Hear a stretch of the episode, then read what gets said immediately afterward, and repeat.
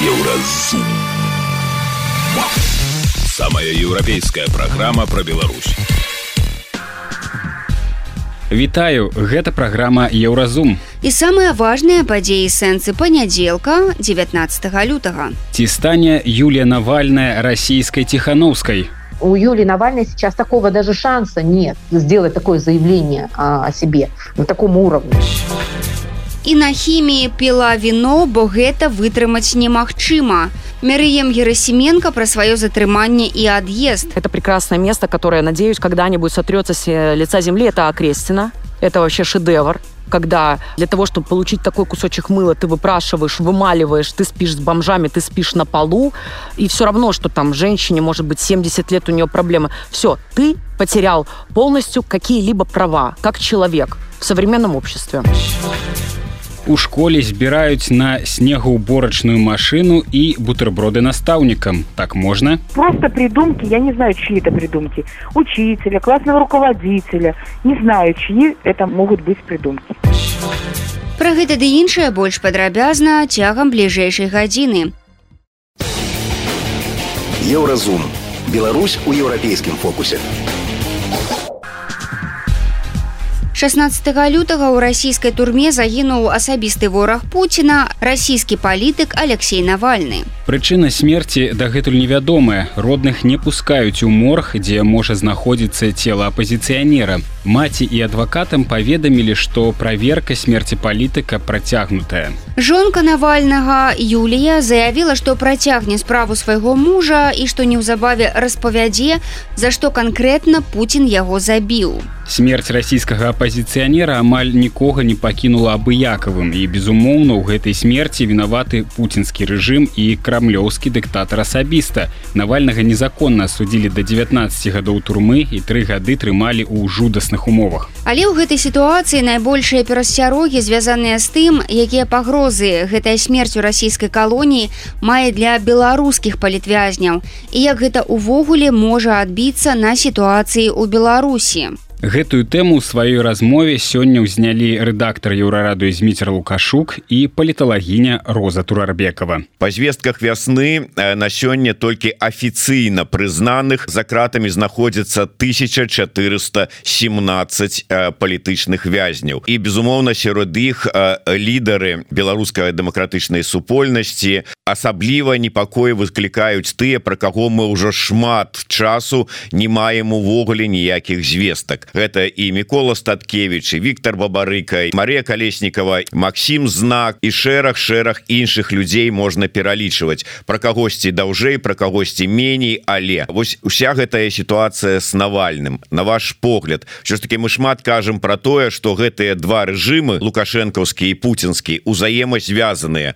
Один пераймае вопыт іншага один вучыцца у другога один апрабіруе нейкіе там новыя методы рэпрэсіі эфектыўныя другі потым у сябе гэта прымяняе гэта сітуацыя наколькі яна небяспечная як вы и оцениваете у звязку с беларускай ситуацией Ну она действительно очень э, опасная для наших политзаключенных она и была опасна у нас много политзаключенных находится буквально на грани да в тяжелом э, состоянии здоровья и э, некоторые политзаключенные уже умерли их довели до этого но проблема с Навальным э, заключается в том, что э, если это останется безнаказанным, если Россия и, в частности, путинский режим не понесут хоть какую-то ответственность за это, да, то я боюсь, что вот это как там, да, ящик Пандоры открывается, и это может, да, повлечь за собой в том числе и соблазн применения такого же инструмента. Хотя я все-таки надеюсь на то, что этого не произойдет, то есть вот намеренное да, убийство, намеренное отравление, там по некоторым да, сведениям,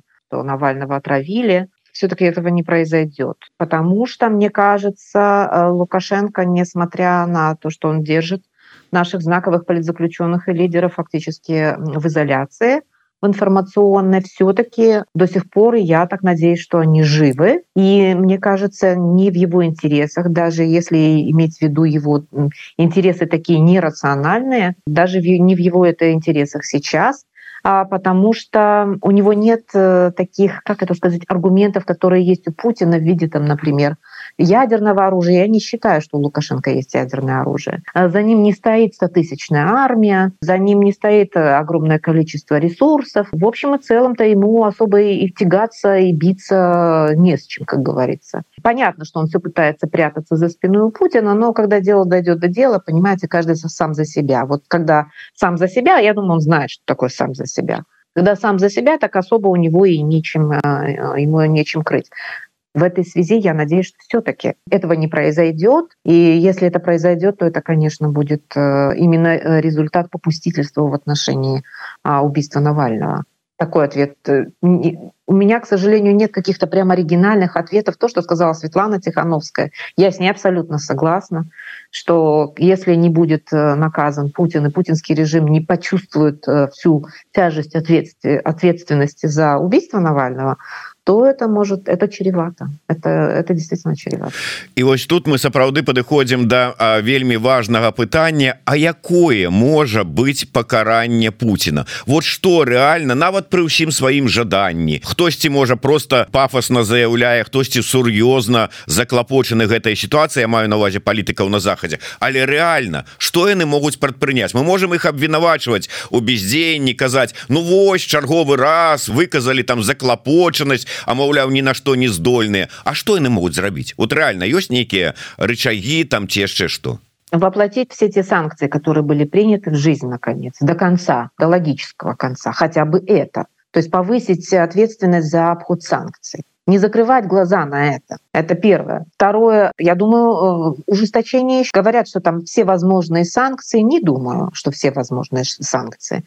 А, достаточно много как бы еще есть э, каналов и там а, и торговли, которая бы э, могла бы остановить, э, ну хотя бы в этом смысле, да, там, войну вряд ли, но хотя бы в этом смысле. И в первую очередь преследовать тех, кто помогает в обходе санкций. Потому что преследование тех, кто так называемые вторичные санкции, они вот только сейчас реализуются. А помогать обходить санкции Путину, да, помогать им помогает полмира, извините. И Индия, и Эмираты, и Китай, и Центральная Азия, и все, кому не лень. Еще в Организации Объединенных Наций там чего-то там пытаются говорить какие-то там, помните, зерновые сделки и так далее и тому подобное ужесточить хотя бы контроль за санкциями. Это уже само по себе. Это первое. Второе. Сколько мы новостей видим о том, что как бы чьи-то дети, внуки все еще продолжают там в Европе, в Штатах жить и так далее, там подумать, что они там делают, я что-то не понимаю вообще. Ну... Я не думаю, чтобы на самом деле некуда ужесточать. Есть куда.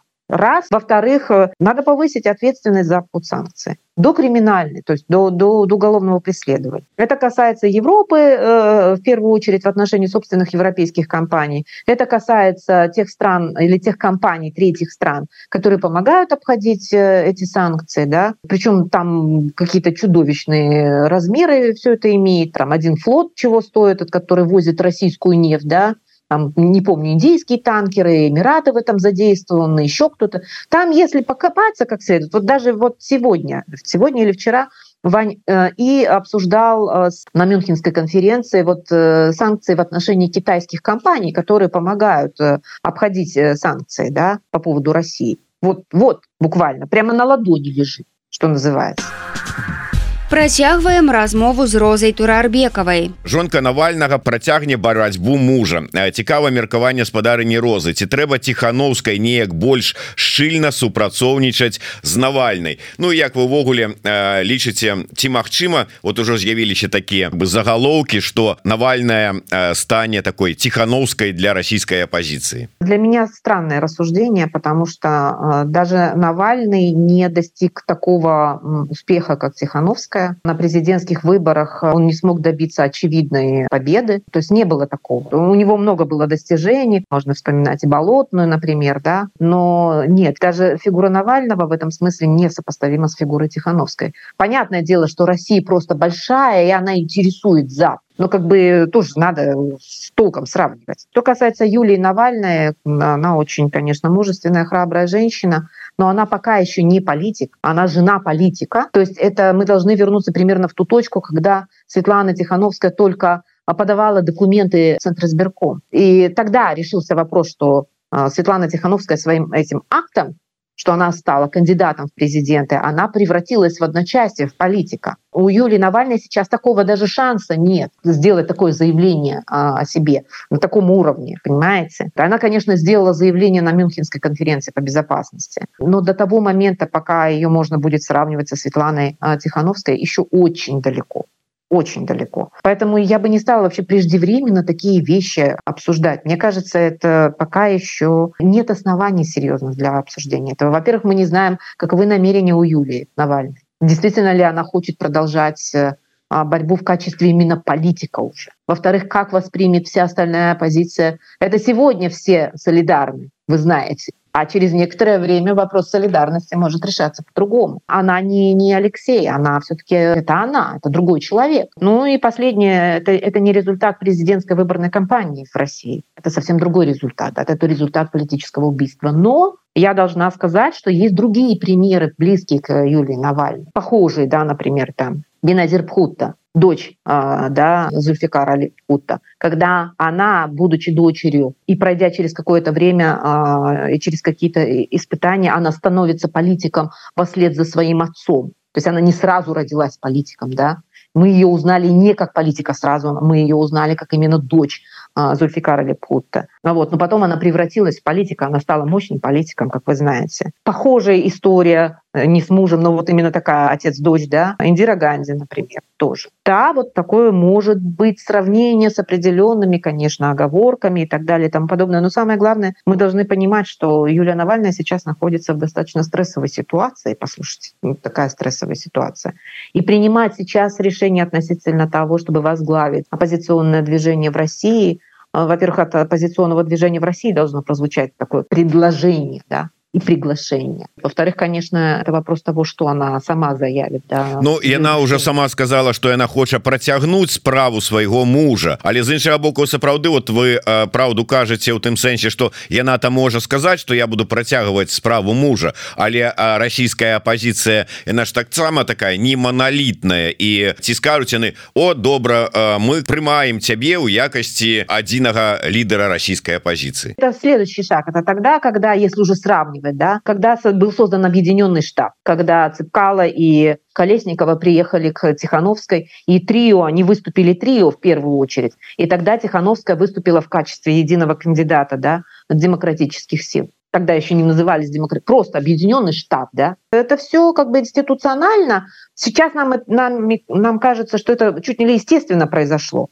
Но мы же должны понимать, что за каждым шагом было определенное решение. Либо ее, либо ее соратников, либо Э, ее союзников. То есть это не единоличная карьера Тихановской, например. Это в целом движение, белорусское демократическое движение в общем. Она наш символ, она наш лидер. Она не сразу таковым стала. Ну, слушайте, надо помнить об этом. Это не, не просто как бы родилась Тихановской. В принципе, президентом у нас только один человек народился и так да. будет перараджаться, видать, на это он спадзяется. Не дай бог.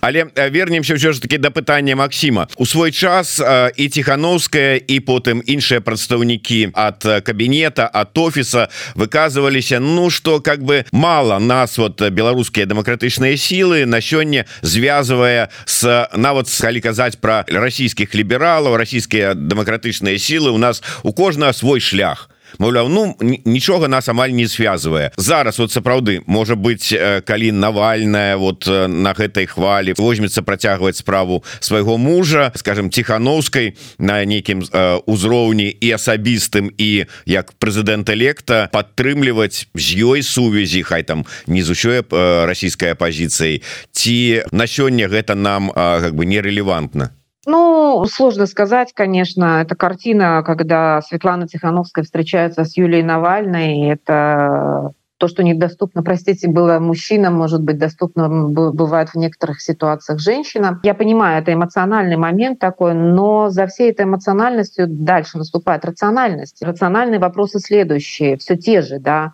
а какова позиция демократических или, вернее, либеральных сил России, да, и либеральной оппозиции по белорусскому вопросу. Каково мнение, какова потом будет позиция у Юлии Навальной по этому вопросу? Сейчас, конечно, это выражение сочувствия и понимания того, что мы на одной стороне с точки зрения борьбы с диктатурой, это одно, но в дальнейшем выстраивание стратегии да, на, с опорой на союз, понимаете, это может вызвать очень противоречивые чувства внутри белорусского демократического движения. А, это может э, как бы расколоть белорусское демократическое движение. И без того нам бывает сложно сохранять как бы солидарность и единство, а по такому вопросу у нас точно будут очень серьезные расходы. Гэта была паліталагіня Роза Турарбекова. У эфіры еўрарадыё яна патлумачыла, якая небяспека можа чакаць беларускіх палітвязняў праз смерць Алексея Навальнага і чаму Юлія Навальная пакуль не можа стаць расійскай ціханаўскай еўрарадыё кропка fm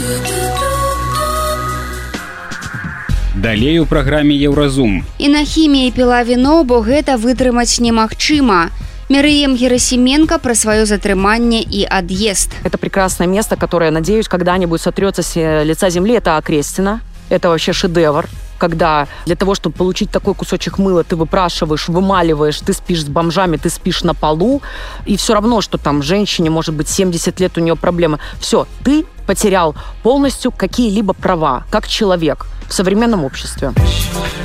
У школе збіраюць на снегаўборачную машину и бутерброды наставникам. Так можно? Просто придумки, я не знаю, чьи это придумки. Учителя, классного руководителя. Не знаю, чьи это могут быть придумки. Сустрэнемся пасля навінаў спорту. Еўразум. Беларусь у еўрапейскім фокусе.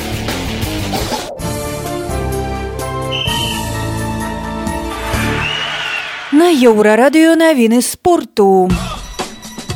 Сборная Беларусі па пляжным футболе ўпершыню выйшла ў плэй-офф чэмпіянату свету. У сваім другім матчы ў аб'яднаных арабскіх эміратах беларусы абыгралі японцаў віцэ-чэмпіёнаў свету 3-1. Беларусь прадэманстравала яшчэ адно вартае захапленне выступленні, піша сайт FIFA. У першым матчы была перамога над сенегалам 6-4. Вікторія Азаранка выйграла першы паядынак на турніры ў Дубаі. Саперніцай беларускі была аранча Рус з Нідерландаў. Азаранка перамагла 6264 у адной 16 у аўторак яна сустрэнецца з Аленай рыбакінай з Казахстана чацвёртай ракеткай свету. У беларускага форварда Іллі шкурына ўжо 10 галоў у футбольным чэмпіянаце Польшчы. Яго трапны удар прынёс перамогу сталі ў гасцявым паядынку з адным з лідараў шлёнскам. Сярод бомбардзіраў першынства шкурын на другім месцы. Беларуская лёгкаатлетка Крысціна Цімановская заняла другое месца ў бегу на 60 метраў у памяшканні на чэмпіянаце Польшчы. У фінальным забегу яна саступіла пераможцы дзве дзясятых секунды. 30гадовы нарвежец Йоханнес Бо стаў 20разовым чэмпіёнам свету па біятлоне чарговыя медалі ён заваяваў на спаборніцтвах у Чэхіі. Бо паўтарыў дасягненне свайго суайчынніка Улі Бьорндаліна, які таксама 20 разоў перамагаў на чэмпіянатах свету. Гэта былі навіны спорту на еўрарадыё, заставайцеся з намі. Еўрарадыё. Моц настрою. Мірыем Герасіменко спявачка, якая ў жніўні 2022 года на тэрасе сталічнага бара банкі бутылкі выканала песню обымы мэнэ украінскага гурта акіянэльзы. Далей пачалося. Дзяўчыну двойчы арыштавалі на 15 сутак, а потым завялі крыміналку за ўдзел у беспарадках.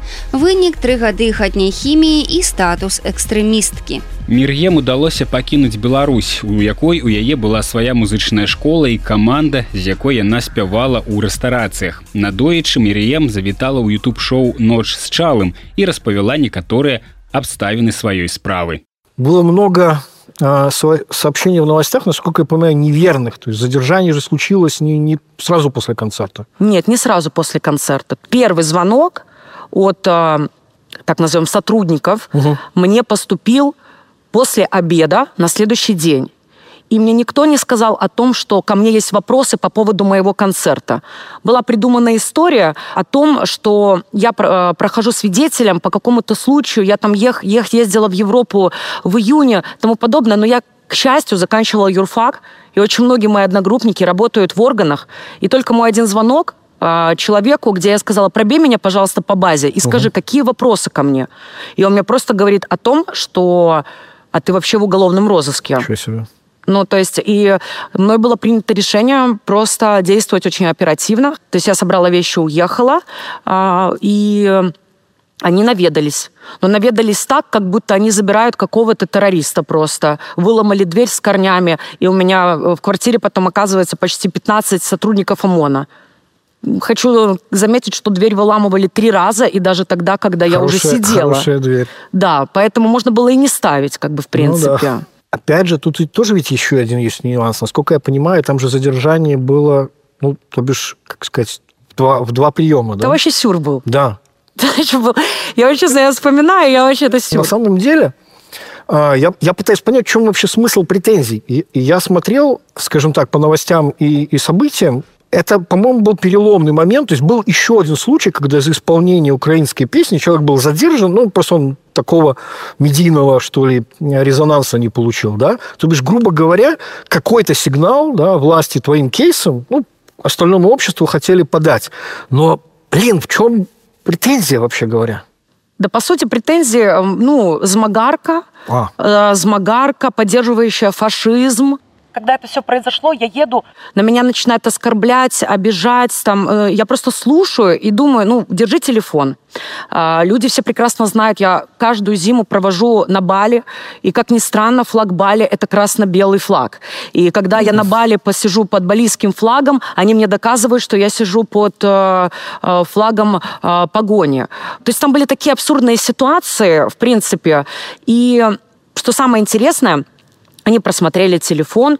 Я провела 12 часов э, в РУВД, потом меня отправили на Крестина, и через пару часов меня отпустили. Вот, вот это вот Меня отпустили, история. меня привезли э, снова в РУВД, Начальник подписал мои документы, подписку о невыезде, сказал, что у меня в понедельник суд, и я привернулась домой.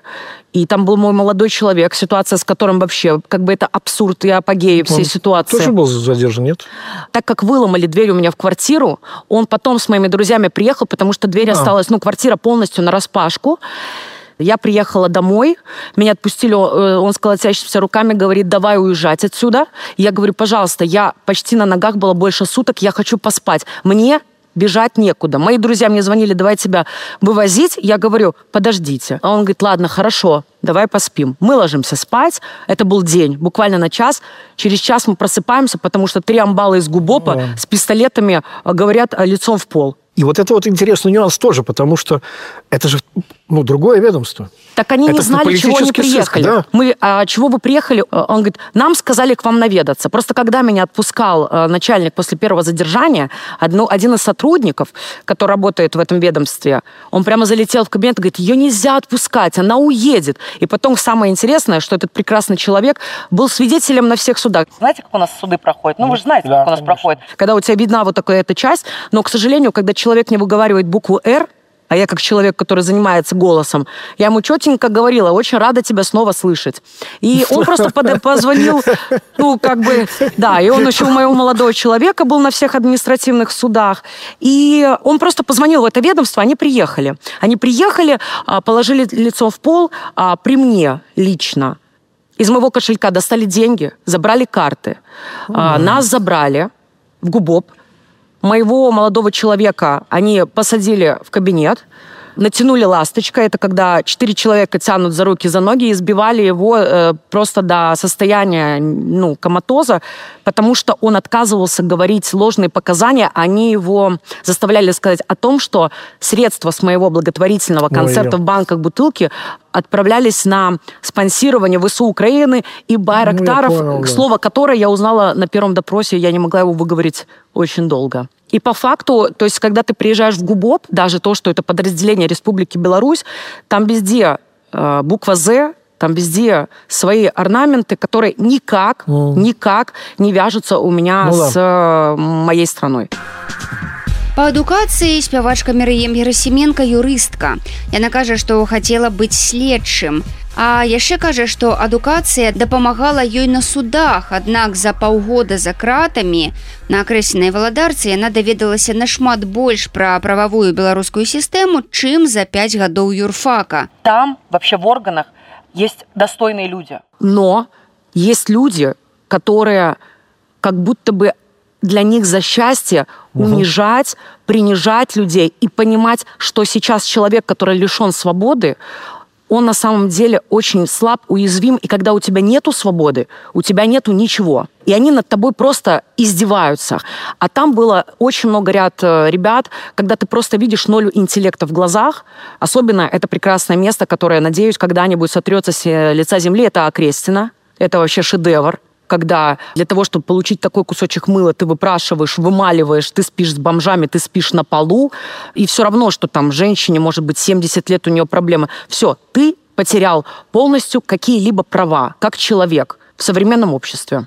Ну да, и я тут хотел только то, что сказать. Ведь нахождение таких людей там, это же не случайность, это же система, это система да. отбора. Да. То есть, грубо говоря, именно таких туда и Давай будем честными, э, лично мое мнение. Конечно, каждая э, структура, она набирает э, людей по собственным алгоритмам. То есть в каждой Это... структуре работают по-разному. Но я тебе могу сказать, что много мозгов не надо, чтобы поступить в школу милиции. Ну, это мы видели даже по, собственно, проходным баллам. И... Да, если у людей, конечно, есть аналитический склад ума, я могу сказать, что есть а, ряд а, случаев, когда преступления в действительности а, раскрываются, люди ловят, которые в действительности являются преступником. Я вообще встала в такую ситуацию, что я была обвиняемой в СИЗО, и потом ко мне пришли из Следственного комитета, потому что у меня была ситуация по, моим, по моему имуществу. И меня, будучи политическим заключенным, сделали потерпевшей по моему делу. И я сидела в разных камерах с человеком, который меня обманул на очень большую сумму денег. Но те представители, которые со мной общались, они со мной общались как с человеком потерпевшим. Угу. И свою работу по итогу они выполнили в рамках моего дела очень достойно и очень хорошо. И сейчас настоящий преступник наказан на много лет. Да, удивительная, конечно, такая параллельная жизнь, да? Параллельная, да. Про этот период, угу. да? Потому что, ну, строго говоря, мы, ж, мы же знаем, что, в общем, СИЗО это страшнее даже, чем тюрьма, на самом деле. Условия хуже. Я не была в тюрьме, да, но, вот но СИЗО про... это нет, тюрьма. Ну, несомненно. А ты в одном из своих интервью говорил о том, что хотела бы пожить в другой стране. Да. И, и вот оно как-то так получилось, да? Да. Я просто считаю себя человеком мира. Я много путешествую, я люблю знакомиться с людьми, я люблю разные пространства, я безумно люблю Беларусь. И я хотела просто поехать и попробовать пожить, поработать, попеть в других местах. Я не считаю это каким-то предательством, я не считаю, что это плохо. Это моя жизнь, и мне так захотелось. Потому что, когда мне говорили на допросах, «Э, вот вы там все хотите сваливать, ты сваливать собираешься, кому-то там нужна я прекрасно знаю, что, может быть, я кому-то там и не нужна, но себе я точно нужна. Я могу поставить шапку, стать в метрополитен и петь. О, вот это вот очень важный момент, потому что те, кто смотрит нашу программу давно, знают, что я ко всем гостям пристаю вот с одним и тем же вопросом. Вопрос, который связан с вот этой самым нарративом э, э, властей, которые говорят, ну, типа, что вы, вы же там никому не нужны. Угу. То бишь, грубо говоря, родил, где родился, там и пригодился, угу. вас там никто не ждет, что вы там никто, значит, и начинаются даже какие-то там истории про, я не знаю, там, унитазы чистить, клубнику собирать или что-то еще в этом духе. На самом-то деле, что значит никому не нужны? Оказывается, что очень даже нужны. Как ты, как ты себя видишь, вот, ну что ли, в ближайшее время? Потому что бизнес, я так понимаю, остался там, да. Ничего не осталось. Ребята... Моя школа была признана экстремистской и закрыта в первый а, ну месяц, вот. как меня задержали. А, ребята, про которых ты говоришь, э, с которыми ты сказала, что я буду исполнять эту песню, они же, я так понимаю, тоже остались в Беларуси. Так, э, песню Океанельза? Да. Все уехали. А, окей, супер. Все в Польше. Я просто настаиваю на том, что мне кажется, что вот эта нынешняя волна иммиграции, чем она отличается от всех предыдущих? Тем, что люди творческие, причем даже не инструментальные музыканты, с которыми тоже примерно понятно, это, это международный язык, они находят здесь свою аудиторию, потому что уже белорусов настолько достаточно, чтобы с этим с этим можно было э, иметь дело. То есть, грубо говоря, вот это вот оказание услуг самим себе, это и есть настоящая диаспора, которая э, да, конечно. случается. Слушай, бар банки бутылки Ты... закрыт в Минске. Да, да. Мы открываем его здесь. На самом деле самое классное это жить в, просто в свободе и не в, и не в страхе. Но, например, я выбираю совершенно другую другую жизнь, и я не хочу тратить свое время как главный я, я ресурс на удовлетворение чьих-то амбиций. Что если Герасименко Мирьям Рашидовна будет сидеть на химии, не выходить из дома после 9 и не пить винишко, хотя даже на химии я пила винишко, потому что невозможно выдержать этот путь. И потом еще ты два года не выездной. Так вот это... Так вы откройте двери, я пошел. Да, да. Я, я же не, не собираюсь тут кого-то напрягать своим присутствием. Слушай, ну там же, э, там же тоже очень такой внутренне противоречивый посыл. Да вам не нравится? Уезжайте. А, вы уехали, вы предатели. Ну, то есть, так вы определитесь, да, как бы. Ну, то есть, понятно, что, что настоящие патриоты должны сидеть в тюрьме, это мы понимаем, но я еще думал спросить, был очень короткий, да, период, наверное, нахождения э, в Беларуси, насколько изменилась она, вот, скажем, с момента вот этого августа 22 и вот тот страх, о котором ты говоришь, да? Он для меня изменился так. Я вышла, 90% моих друзей уехала, у меня было там um, на день рождения, допустим, в 2020-2021 году 40 человек, 50 моих там близких друзей, творческих, все. Сейчас у меня там э, человек 8 было бы. Еще самое интересное, что после 20-го была очень сильная сплоченность. Вот прямо такое комьюнити. А сейчас снова все погрязли в страх, Ты все думал? понимают, а. что все просто начали вот жить вот так вот. Еще это в моей, в моей сфере это вообще просто сюр. Эти гастрольные удостоверения, это когда ты получаешь согласование уже не на концерт, ну, да, а просто да, на выступление. Да, теперь... Я считаю, что ну, это, это легкий абсурд, и это возвращение к Советскому Союзу. Нет, это уже не возвращение к Советскому Нет, нет, нет. Здесь я понимаю, что это тот самый случай, когда, знаешь, как это, дна еще по-прежнему не достигли Мы слухали размову аналітыка Сергея Чалага і спявачкі Мірыем Герсіменко. Яна распавяла пра сваё затрыманне пасля выканання песні гурта акіян Эльзы ў мінскім бары і падзялілася досведам адсіткі на Крэсціна і прычынамі свайго рашэння з'ехаць з краіны. Еўрарадыё. Твая улюбёная хваля далей у праграме еўразум у школе збіраюсь на снегаўборачную машину і бутерброды настаўнікам так можно просто придумки я не знаю чьи это придумки учителя классного руководителя не знаю чьи это могут быть придумки сустрэнемся пасля навін шоу-бізу еўрарадыё твоя улюбёная хваля шоу-біз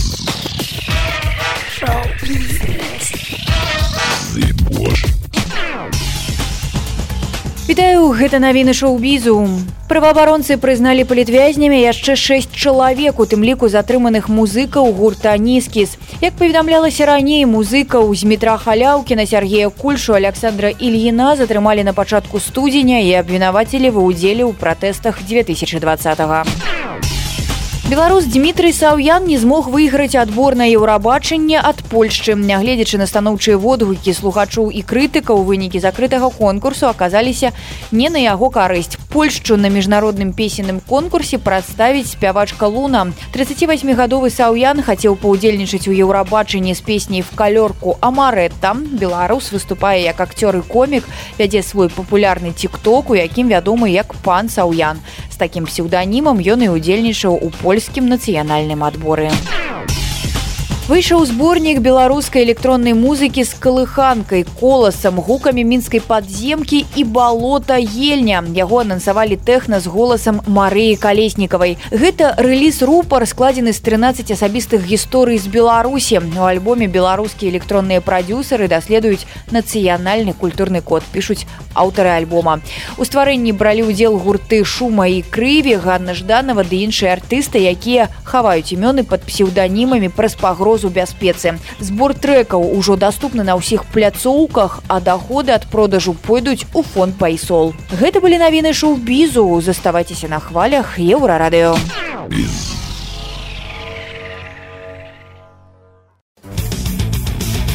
Еўразум жыві ў рытме Еўропы.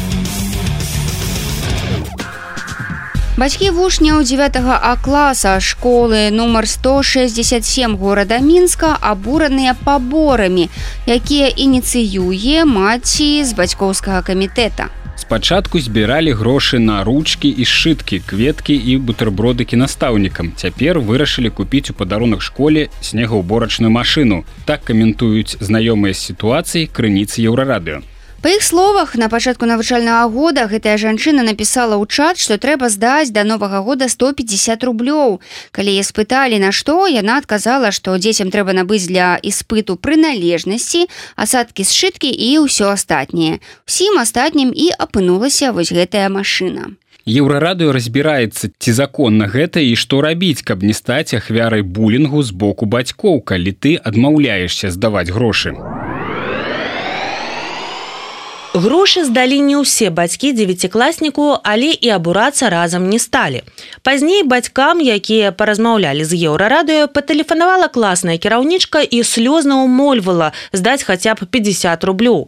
Як паведамілі суразмоўцы, настаўніца сказала, што хутка выпускныя іспыты, якія будуць праходзіць цэлы дзень.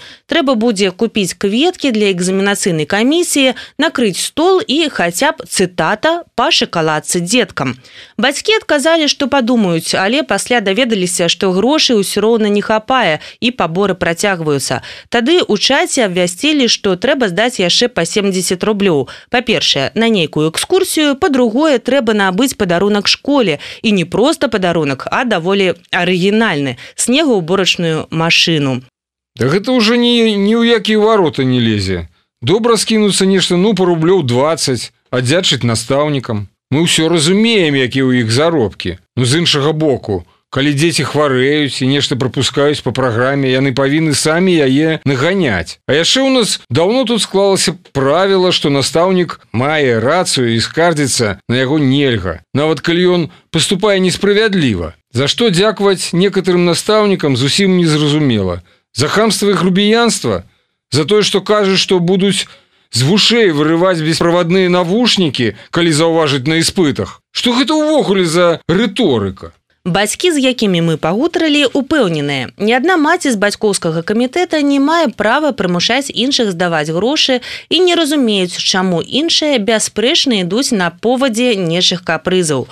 У пастанове міністэрства адукацыі нумар 126, апублікаванай на нацыянальным прававым інтэрнэт-партале, гаворыцца, што бацькоўскім камітэтам афіцыйна забаронена збіраць грошы ў школах і дзіцячых садках. Нават калі грошы збірае адміністрацыя школы, бацькі маюць права адмовіцца. Пра гэта яшчэ на пачатку навучальнага года казаў Лукашенко, выступаючы на нарадзе па пытаннях удасканалення адукацыйнай сферы. Але што рабіць, калі ў бацькоўскім камітэце анархія, а настаўнікі не рэагуюць, як астойваць свае правы і пры гэтым не стаць ахвярай булінгу. Урэшце рэшт, хто прыдумаў правілы пісаць аднолькавымі асадкамі на іспытах і карміць бутэрбродамі экзаменацыйную камісію. Снегуборачная машына ў падарунак школе, Телефонуем во управление адукации Фрунзенского района. Но это желание одних родителей, это не значит, что остальные родители должны сбрасываться и покупать в школе снегоуборочную машину. Все живут по своим средствам, у кого-то средств больше, у кого-то меньше. Но это не значит, что кто-то из родителей решил, я хочу, и давайте все сбросимся. Это не значит, что все остальные должны сдавать деньги. Что это бредовая ситуация. Я вам дам номер телефона секретаря и начальника отдела именно по экзаменам уточнить. А по сбору на выпускные этим у нас занимается воспитательное отдел, они вам могут подсказать. Но я могу вам сказать точно, что никто ни на что не никого не может обязать бросить деньги, вот, ну, сброситься деньгами, купить какой-то подарок и так далее и тому подобное. Нет такого. У отделе дошкольной, агульной, средней и специальной адукации, куды нам парали звернуться, одразу кажуть, что ніякого правила куплять однольковые осадки и сшитки на испыты няма. Нету такого правила. Где это написано, что это нужно требовать? Если вы договариваетесь, что ваш класс едет, ну, никто не запрещает. Она согласовывается с управлением по образованию, пожалуйста едьте. Но чтобы, э, скажем так, кто-то кого-то заставлял ехать на экскурсию, ну, не знаю. Ну, вы же понимаете, что тоже э, такого не быть не должно. Что значит э, комиссию кормить бутербродами? Ну, ну, смешно. Я, когда работала учителем, скажем так, русского языка в школе, я приносила свое. И если мне нужно было накормить комиссию. Просто придумки, я не знаю, чьи это придумки. Учителя, классного руководителя. Не знаю, чьи это могут быть придумки. Скажите, извините, э, нигде не написано, что мы это должны делать. Нигде. Ну, скажем так, э, цветы, так это мое желание подарить учителю цветы, отблагодарить его или не отблагодарить этого учителя. Это, ну, дело каждого, я считаю. Хочу я цветы принести, на экзамен, или не хочу я цветы принести. Ну, чтобы заставляли друг дружку, скажем так. Тетрадки можно собрать, скажем так, одну тетрадку на математику, одну тетрадку на русский э, язык э, и белорусский язык. Ну, там вообще изложение, наверное, две тетради надо, это можно собрать, и каждый ребенок пусть для себя принесет тетрадь. Вот и все. А зачем это устраивать, какие-то, ну, покупки, зачем? Не, ну, тетради какая разница, все равно обложка там снимается и ставится штампик на листочках. То есть, ну, в любом случае, в любом случае, тетради можно просто каждому принести свою тетрадь. Ва ўправленні адукацыі звяртаюць увагу. Любое пытанне павінна вырашацца ўсім калектывам, а не адным чалавекам. Ёсць жаданне падарыць школе падарунак, падарыць разам з тымі, хто не супраць. Папракаць бацькоў, якія не могуць ці не жадаюць здаваць на яго грошы, недапушчальна. Если желают родители помочь школе, значит, э, деньги э, собираются на расчетный счет учреждения образования. И затем, ну, это если работает попечительский совет. Родительский комитет, родительский комитет денежные вопросы решать не должен. Это нарушение. А у вас решает родительский комитет. Этого не должно быть. Вот если это куда-то выйдет, накажут директора в первую очередь. В первую очередь будет наказан директор. Он за это поплатит. Вы знаете, как сейчас эти вопросы э, очень строго стоят на контроле. Ва ўправленні па адукацыі фрунзенскага района паабяцалі звязацца з адміністрацыяй школы нумар 167 у бліжэйшы час, паразмаўляць з дырэктарам і разабрацца ў сітуацыі. Інфармацыйная служба еўрарадыё. Гэта была праграма Еўразум, штодзённы інфармацыйны падкаст еўрарадыё. Кожны дзень мы распавядаем пра самыя галоўныя навіны Беларусі і свету. А сённяшні выпуск скончаны. Беражыце сябе. Пачуемся. Еўразум. Самая еўрапейская праграма пра Беларусь.